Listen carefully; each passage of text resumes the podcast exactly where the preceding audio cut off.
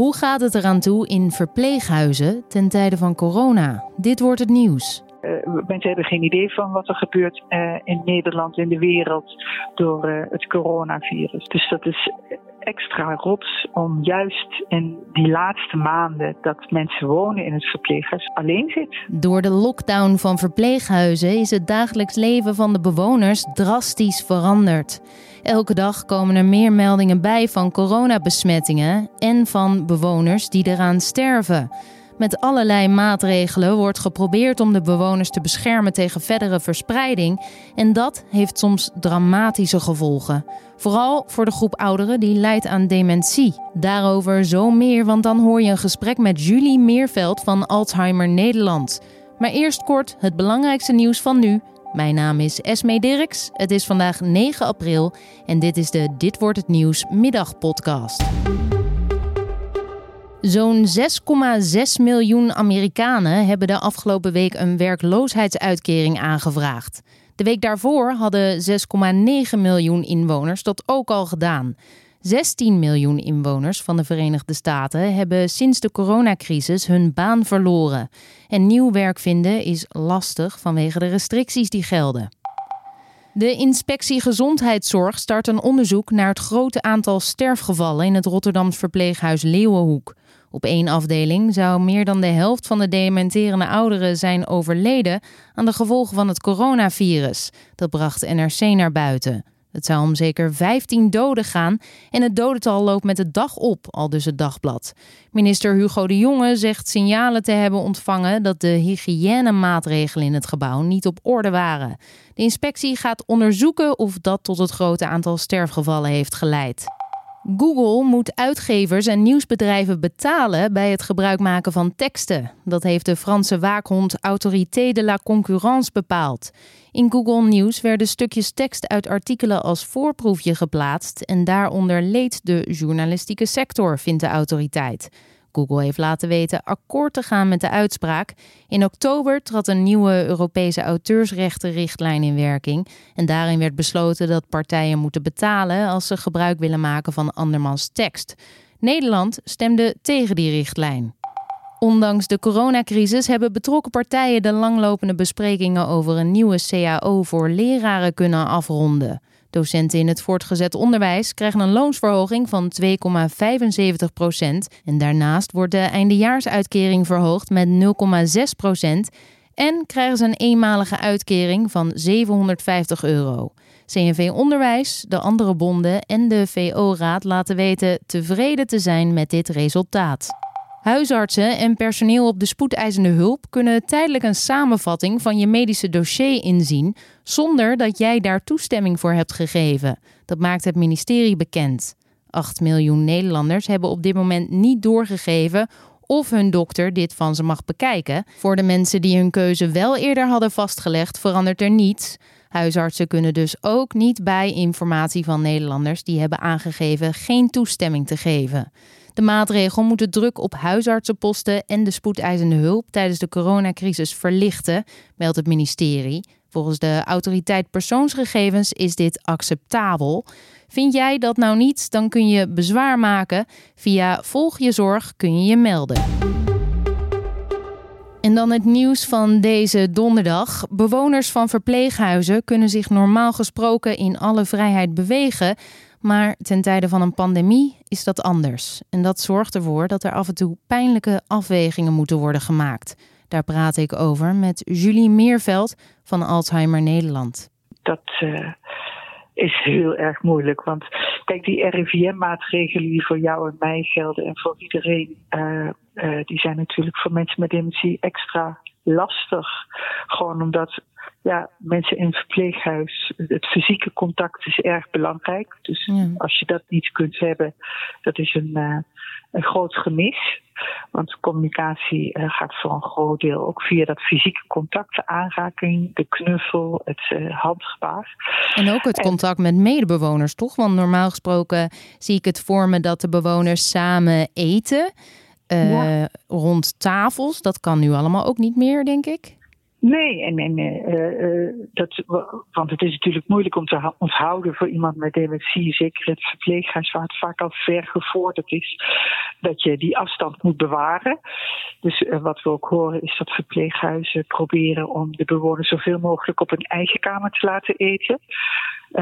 nou, dat is een stuk minder gezellig en dat geldt voor iedereen, maar ook voor deze mensen. Maar het is ook heel moeilijk te onthouden waarom het ook alweer was en dat je het moest doen en waar nou, dat is uh, extra moeilijk bij dementie. Nu zou je ook kunnen denken, mensen met dementie vergeten nog alles wat. En in hoeverre merken ze dan verandering? Mensen zullen vooral merken dat uh, wat er nu gebeurt, dat het minder fijn voor ze is. Um, dus uh, als mensen uh, in hun eentje op hun kamer zitten zonder nabijheid van iemand anders, zonder uh, gezelligheid, zonder sociale contacten met anderen, zonder bewegingsmogelijkheden. Want mensen met dementie houden er ook, sommigen, niet iedereen, hè, ieder mens is anders, mm-hmm. maar zullen ook ervan houden om te bewegen, om te wandelen, om naar buiten te gaan. Als dat allemaal niet kan, dan zullen ze dat missen.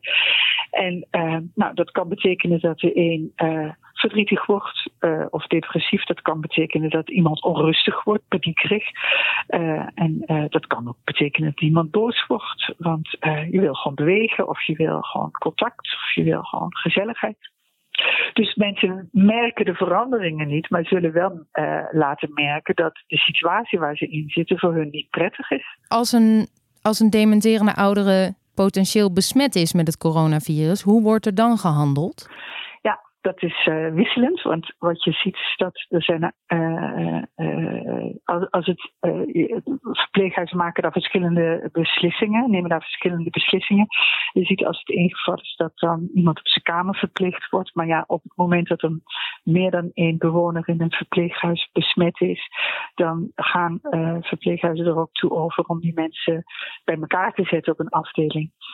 Nou, je kan je indenken dat zo'n verhuizing is altijd al bij dementie uh, enorm verwarrend en, en, en, heeft ook effect op uh, ja, uh, de mentale gezondheid van degene met dementie, maar dat is nu ook. Dus dat is niet fijn, maar dat is wel begrijpelijk. Mm. Dus ook hier weer kiezen uit kwade.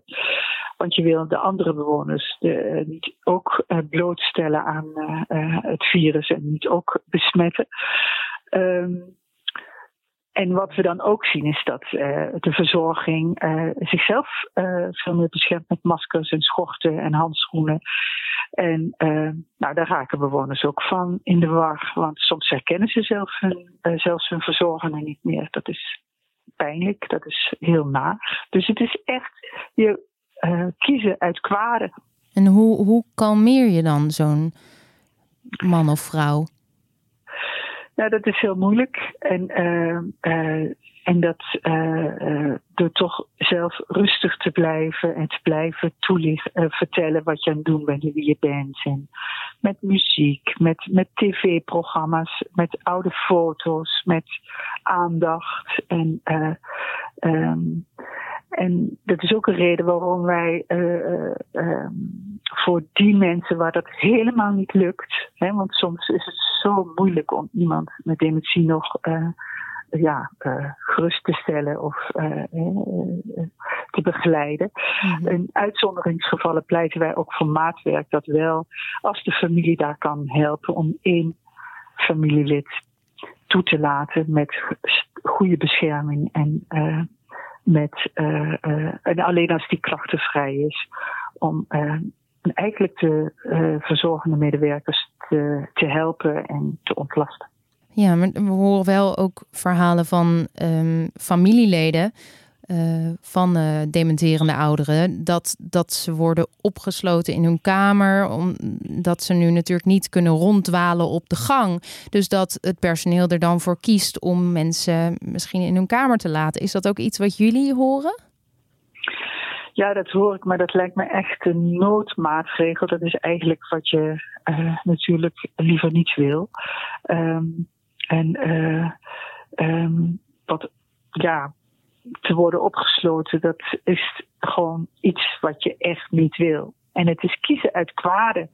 Want aan de ene kant wil je de verspreiding van het coronavirus beperken in het verpleeghuis. Aan de andere kant wil je mensen niet opsluiten. Maar als mensen, en soms zijn, staat het verzorgend personeel ook met de rug tegen de muur. En uh, um, wordt zelf ook ziek en is ook onderbemens. Dus dan gebeuren er uh, dingen die je echt niet wilt. Dus kiezen uit kwade. Ja, dus ook bijvoorbeeld uh, een middel als uh, sedatie.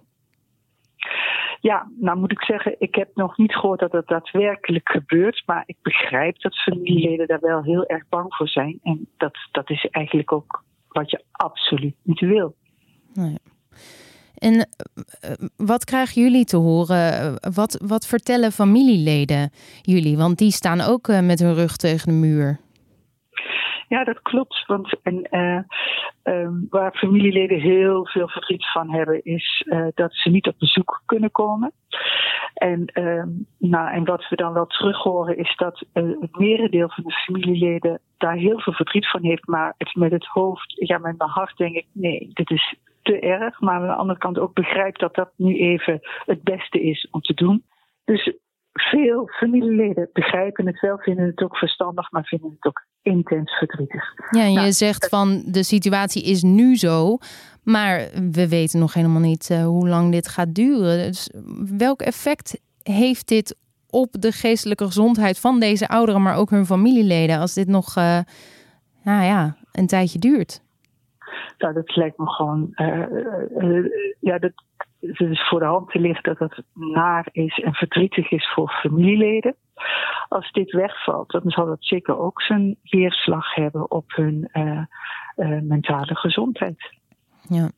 Maakt maar we zich... ook allemaal, en dat ziet de familie ook in dit geval, we kunnen het niet zo goed mogelijk, we kunnen het niet helemaal goed doen. We kunnen alleen maar kiezen uit kwade en proberen het zo goed mogelijk te doen. Ben jij, ben jij bang voor het lot van sommige van deze ouderen?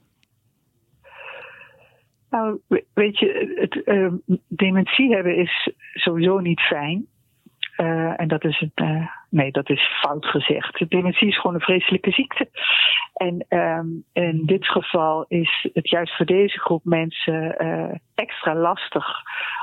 om, ze beseffen niet wat er aan de hand is en wat dat betekent. En dus het is extra rot voor mensen met dementie. Ja. Ja, dat, dat, dat bewustzijn. Nou ja, mensen vergeten, uh, mensen hebben geen idee van wat er gebeurt uh, in Nederland, in de wereld, door het coronavirus. En, um, dus dat is extra rot om juist in die laatste maanden dat mensen wonen in het verpleeghuis, want we hebben het over 12 tot 14 maanden.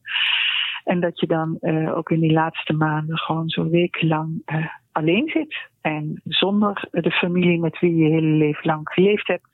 Alleen zit zonder uh, uh, uh, andere medebewoners en zonder gezelligheid en, ja. van andere mensen.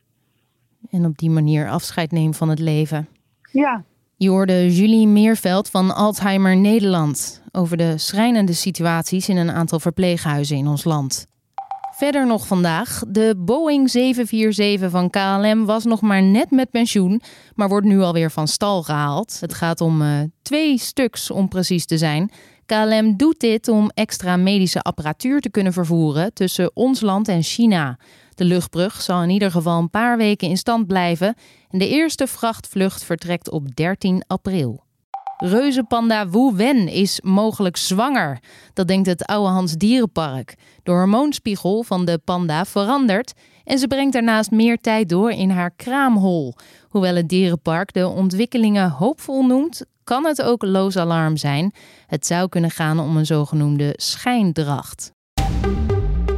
Dan het weer. Vanavond en vannacht drijven er sluierwolken over. Het is uh, fris met minima van 0 tot 7 graden. Er staat nauwelijks wind.